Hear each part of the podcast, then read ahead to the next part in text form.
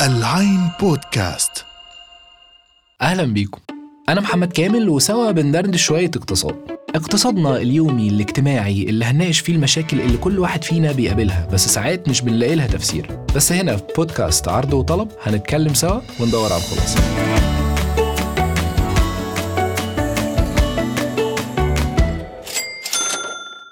حسب كل الإحصائيات كلنا بندور في الساقية. لأننا مش من الواحد في المية اللي معاهم معظم ثروات العالم. إحنا الغلابة أنا وإنت ومعظم اللي حوالينا بنسمى في كتب الاقتصاد القوى العاملة ملح الأرض. تروس مكنة الاقتصاد والزيت اللي بيسهل حركتها بس مش صحاب المكنة ولا اللي بيدوروها ولا حتى لينا قرار في إزاي تدور. مش كده؟ حقيقة. مرة آه بس حقيقة. عشان كده معظمنا دايما بيحلم إزاي يهرب من الساقية دي ويصنع مكانته بإيده. ومن هنا ظهرت الجاذبية الشديدة لفكرة ريادة الأعمال. أو لو أنت تعليم أجنبي يبقى الانتربرينورشيب. المفهوم اللي بقينا نسمعه كتير مؤخرا لدرجة تحس إنه بيفرض نفسه علينا. وأصبح لكلمة رائد أعمال هالة كده تحس إنها بريحة حلوة. دايما تلاقيها بتتجمع مع فكرة الثروة والنفوذ وتحقيق الأحلام وعدم الرضا بالفقر والروتين اللي هي كل الكلمات اللي بتعبر عن أمنيات كل اللي دايرين جوه الساقية زي حالتنا وعايزين يهربوا. وكل ما تفتح أي منصة social media تلاقي reels عن حد باين عليه جامد قوي وبيحكي لك إزاي بقى رائد أعمال غني جدا من بيع الكنافة بالبيض مثلا. أو تلاقي كلمات مأثورة على الفيسبوك لرائد أعمال عمل business كبير من إعادة تدوير ورق كروت شحن الرصيد. بس بعيدا عن الهزار فكرة ريادة الأعمال تحولت مؤخرا للمرادف الضمني لطوق النجاة اللي ممكن ينقلك من وضع الترس اللي انت مش حابه قوي لوضع صاحب المكنة اللي بياخد قرارات وبيدير الشركة وبيكسب فلوس وهو نايم في البيت. وعلى فكرة الطريق لإنك تبقى رائد أعمال مش صعب ولا حاجة. هو بس محتاج إصرار وإيمان بنفسك أولا وبقدرتك إنك تبقى حاجة زي كل الناس اللي انت بتسمع عنهم دول. واللي أهم شيء مشترك فيهم كلهم إنهم بدأوا من الصفر ومن ولا حاجة. فتعالى في حلقة النهاردة نفصص فكرة ريادة الأعمال وإيه اللي أنت محتاجه ونشوف إيه الخطوات اللي تمشي عليها عشان تبقى رائد أعمال زي الأسامي والصور اللي بتشوفها على مجلات عالم المال والأعمال. يعني من الآخر دليلك البسيط لريادة الأعمال والله الموفق والمستعان. يلا بينا. معاكم محمد كامل ودي حلقة جديدة من عرض وطلب من العين بودكاست.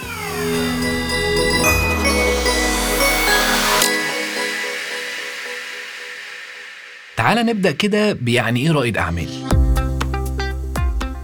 بمنتهى البساطة ده الراجل أو الست اللي بيخلق وبعدين يدير عمل تجاري أو business وحتة يخلق دي هي اللي بتميز رائد الأعمال عن أي شخص تاني بيشتغل في التجارة والأعمال الحرة أو business man عادي أو صاحب شركة أو مشروع صغير. لأن دايما ريادة الأعمال مرتبطة بإنك بتخترع business جديد منتج جديد خدمة جديدة. أو حتى طريقة مختلفة وجديدة لتقديم خدمة أو منتج معروفين. بس الفرق الجوهري ما بين رواد الأعمال وغيرهم هو حجم الفرصة والمخاطرة والعائد. إزاي يا كامل؟ هقولك. دايما الناس بتبص لل entrepreneurs أو رواد الأعمال على إنهم بياخدوا قرارات ويرموا نفسهم للمجهول. قرارات بتحتمل مخاطر عالية وممكن تحتاج فلوس كتير. وفي نفس الوقت العائد اللي ممكن يجي مجهول بس على أمل إنه هيبقى عالي جدا. وملوش حسابات أو أمثلة سابقة تقدر تعتمد عليها. وغالبا الفلوس اللي بيتفتح بيها المشروع ما بتبقاش من جيوبهم بتبقى من مستثمرين. لأن رائد الأعمال كل اللي بيبقى حيلته فلوس على القد وفكرة جامدة ومجنونة وطريقة تنفيذ هتكبر الفكرة وتخليها شركة مفيش زيها. أو على الأقل عرض أو برزنتيشن يقدر يقنع بيه الناس ويبيع لهم إن الفكرة اللي معاه ما جاش لا قبلها ولا بعدها. والمستثمرين بيشتروا الكلام اللي بيقوله. هتقول لي ليه؟ هقول لك على أمل تتحول الفكرة دي لشركة ضخمة زي أمثلة كتير شفناها على أرض الواقع. إنما الناس التانية اللي بيتقال عليهم رجال أعمال أو أصحاب الأعمال الحرة والشركات الصغيرة دول اللي بيلعبوا في المضمون من غير مخاطرة ومن غير تعب قلب. والعوائد بتاعتهم بتبقى محسوبة وفي الأغلب بتبقى أرباح قليلة. جنيه بيجيب اتنين وعشرة بتجيب خمسين. ولسان حالهم بيقول ليه ارمي نفسي في المجهول لما ممكن ألعب السهلة وأفتح شركة استيراد وتصدير ولا محل أكل ولا أفتح مغسلة عربيات؟ حاجة مضمونة وبتكسب. ما هم في الأغلب بيخاطروا بفلوسهم فعايزين حاجة عارفين إن مخاطرتها أقل والعائد كويس. أي نعم مش هيبقوا مليونيرات منها بسهولة بس هيبقوا مستورين. وبسبب فكرة إنك كرائد أعمال بتحتاج فلوس واستثمارات من جهات أخرى دايما تلاقي مفهوم ريادة الأعمال مرتبط دايما بالشركات الناشئة أو اللي بيسمى ال startups اللي بنسمع عنها كتير اليومين دول. كل يوم نسمع عن startup بتفتح وبتقفل بالعشرات وعادي جدا اللي بيقفل واحدة بيفتح غيرها. ما هو أول ما بيفتحها بياخد جولة كده عند الناس اللي معاها فلوس أو ال capitals سواء بقى رجال أعمال أو مديرين صناديق استثمار. بيعرض عليهم الفكرة وبيلم منهم فلوس يمشي بيها الشركة الفترة الأولانية. فلو طلعت قماش بياخد جولة تانية ويلم فلوس برضه بس المرة دي عشان يتوسع فيها. ولو ما طلعتش قماش بيجيب ضرافها لأن باين إن الشركة مش قد كده ومش جايبة همها. ويفضل على ده الحال يفتح في شركات ويقفل لحد ما واحدة فيهم بتظبط. ودي دورة حياة رواد الأعمال. أنت مش دايما بتسمعهم يحكوا في قصص فشل كتير قبل ما ينجحوا؟ أهي غالبا بتبقى بالطريقة دي. وزي ما قلت لك المستثمرين بيدفعوا على أمل إن الشركة تضرب والجنيه يبقى مليار زي الأمثلة اللي قلنا عليها. وخليني أقول لك إنه طبقا لدراسة قام بيها معهد بيترسون للاقتصاد الدولي في 2020 حصل زيادة مهولة في عدد الشركات الناشئة وصلت للربع تقريبا واتسمت ساعتها بال startup boom. هتقول لي ليه؟ هقول لك تحليلي الشخصي إن دي كانت فترة كورونا. فوضع الحياة عامة كان متشقلب ومع الأزمات دايما بتيجي الفرص. فكتير حاولوا يستغلوا الوضع الجديد بأفكار خلاقة أو جامدة وجديدة علشان تستغل الوضع بتقديم خدمات ومنتجات تسهل الحياة على البشر في وقتها. ببساطة في احتياج جديد اتخلق فظهر اللي يلبيه. وعلم على دي هنجيلها بعدين. وخد مني معلومة على الماشي في كتير شركات كانت مجرد startup بسيط ملهاش ولا حس ولا خبر ولما ظهرت كورونا تضخمت بفعل الأزمة زي أسامي كتير. يعني من الآخر مصائب قوم عند قوم فوائد.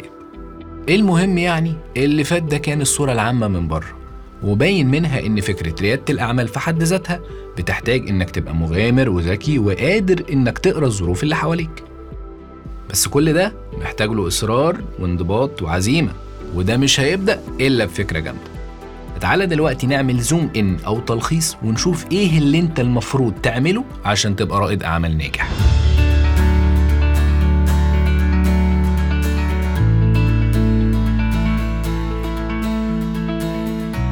أول حاجة لازم يبقى عندك فكرة بمليون جنيه.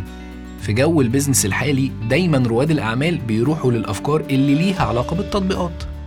تطبيق بيقدم خدمة أو طريقة جديدة ما حصلتش قبل كده ولازم يكون ليها ميزة تنافسية تخليك مختلف عن غيرك.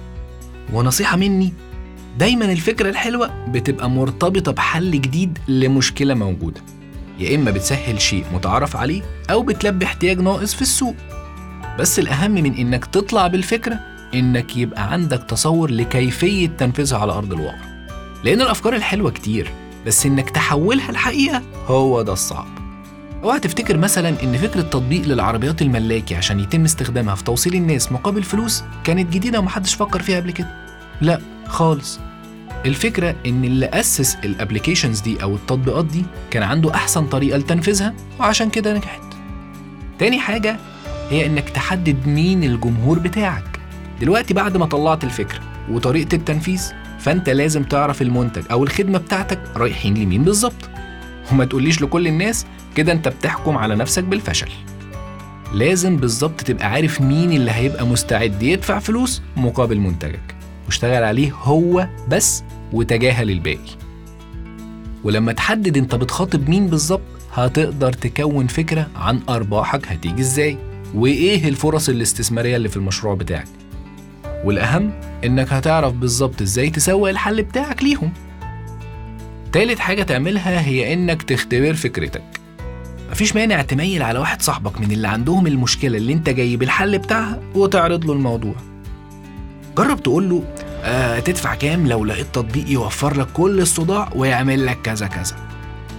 أو آه لو دخلت المحل الفلاني ولقيت الحاجة اللي هتسهل لك كذا كذا. وشوف رد فعله هيبقى عامل إزاي وكرر ده كتير مع أهلك وقرايبك. ساعتها هتعرف قيمة فكرتك كويس أوي. رابع حاجة تعملها هي إنك تشتغل تكنيكال وهنا بنبدأ في الجد. في المرحلة دي لازم تبدأ تشوف هتصمم التطبيق بتاعك إزاي وتشوف إمكانية تنفيذ ال website الخاص بيك إمتى. إحنا دلوقتي في 2023 ومفيش حل لأي مشكلة من مشكلات الحياة إلا لو كان ليها علاقة بالتكنولوجيا. فلازم تبدأ تستغل التكنولوجيا في إنك تقدم منتجك وخدمتك على أكمل وجه. وتيجي بعدها المرحلة الخامسة وهي إنك تكتب دراسة الجدوى بتاعتك وتعرف بالظبط إيه المطلوب تصرفه ومن المتوقع هتكسب إيه وإمتى. لأن خلينا صراحة أنت هتقعد كتير قوي ما بتكسبش. لحد ما تيجي اللحظة اللي انت مستنيها والإيرادات هتبقى قد المصاريف ومن بعدها ال curve هيعلى جدا وكل مهمتك في الحياة هتكون إزاي تلم في الأرباح. مع الصورة الجميلة دي خلينا ننهي حلقتنا النهاردة عشان الوقت ما يسرقناش. دي كانت الخطوات الأولية لطريقة بناء ال business بتاعك علشان تبقى رائد أعمال. بس الحكاية ما بتنتهيش هنا دي بس بتبتدي. والمرحلة الجاية هتبقى إزاي تشتغل على نفسك وصفاتك الشخصية وازاي تكيف مشروعك عشان تعدي المرحلة الأهم وهي إنك تجيب استثمارات لفكرتك. ودي بقى محتاجة حلقة لوحدها. قولولي في الكومنتات لو عايزينها تكون الحلقة الجاية على طول.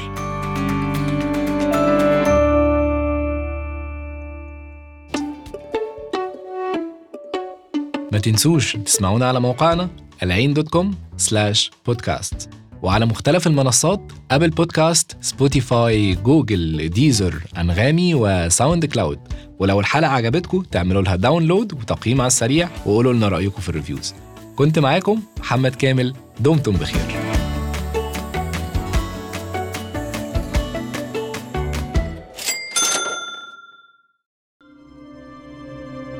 العين بودكاست. تسمع لترى العالم.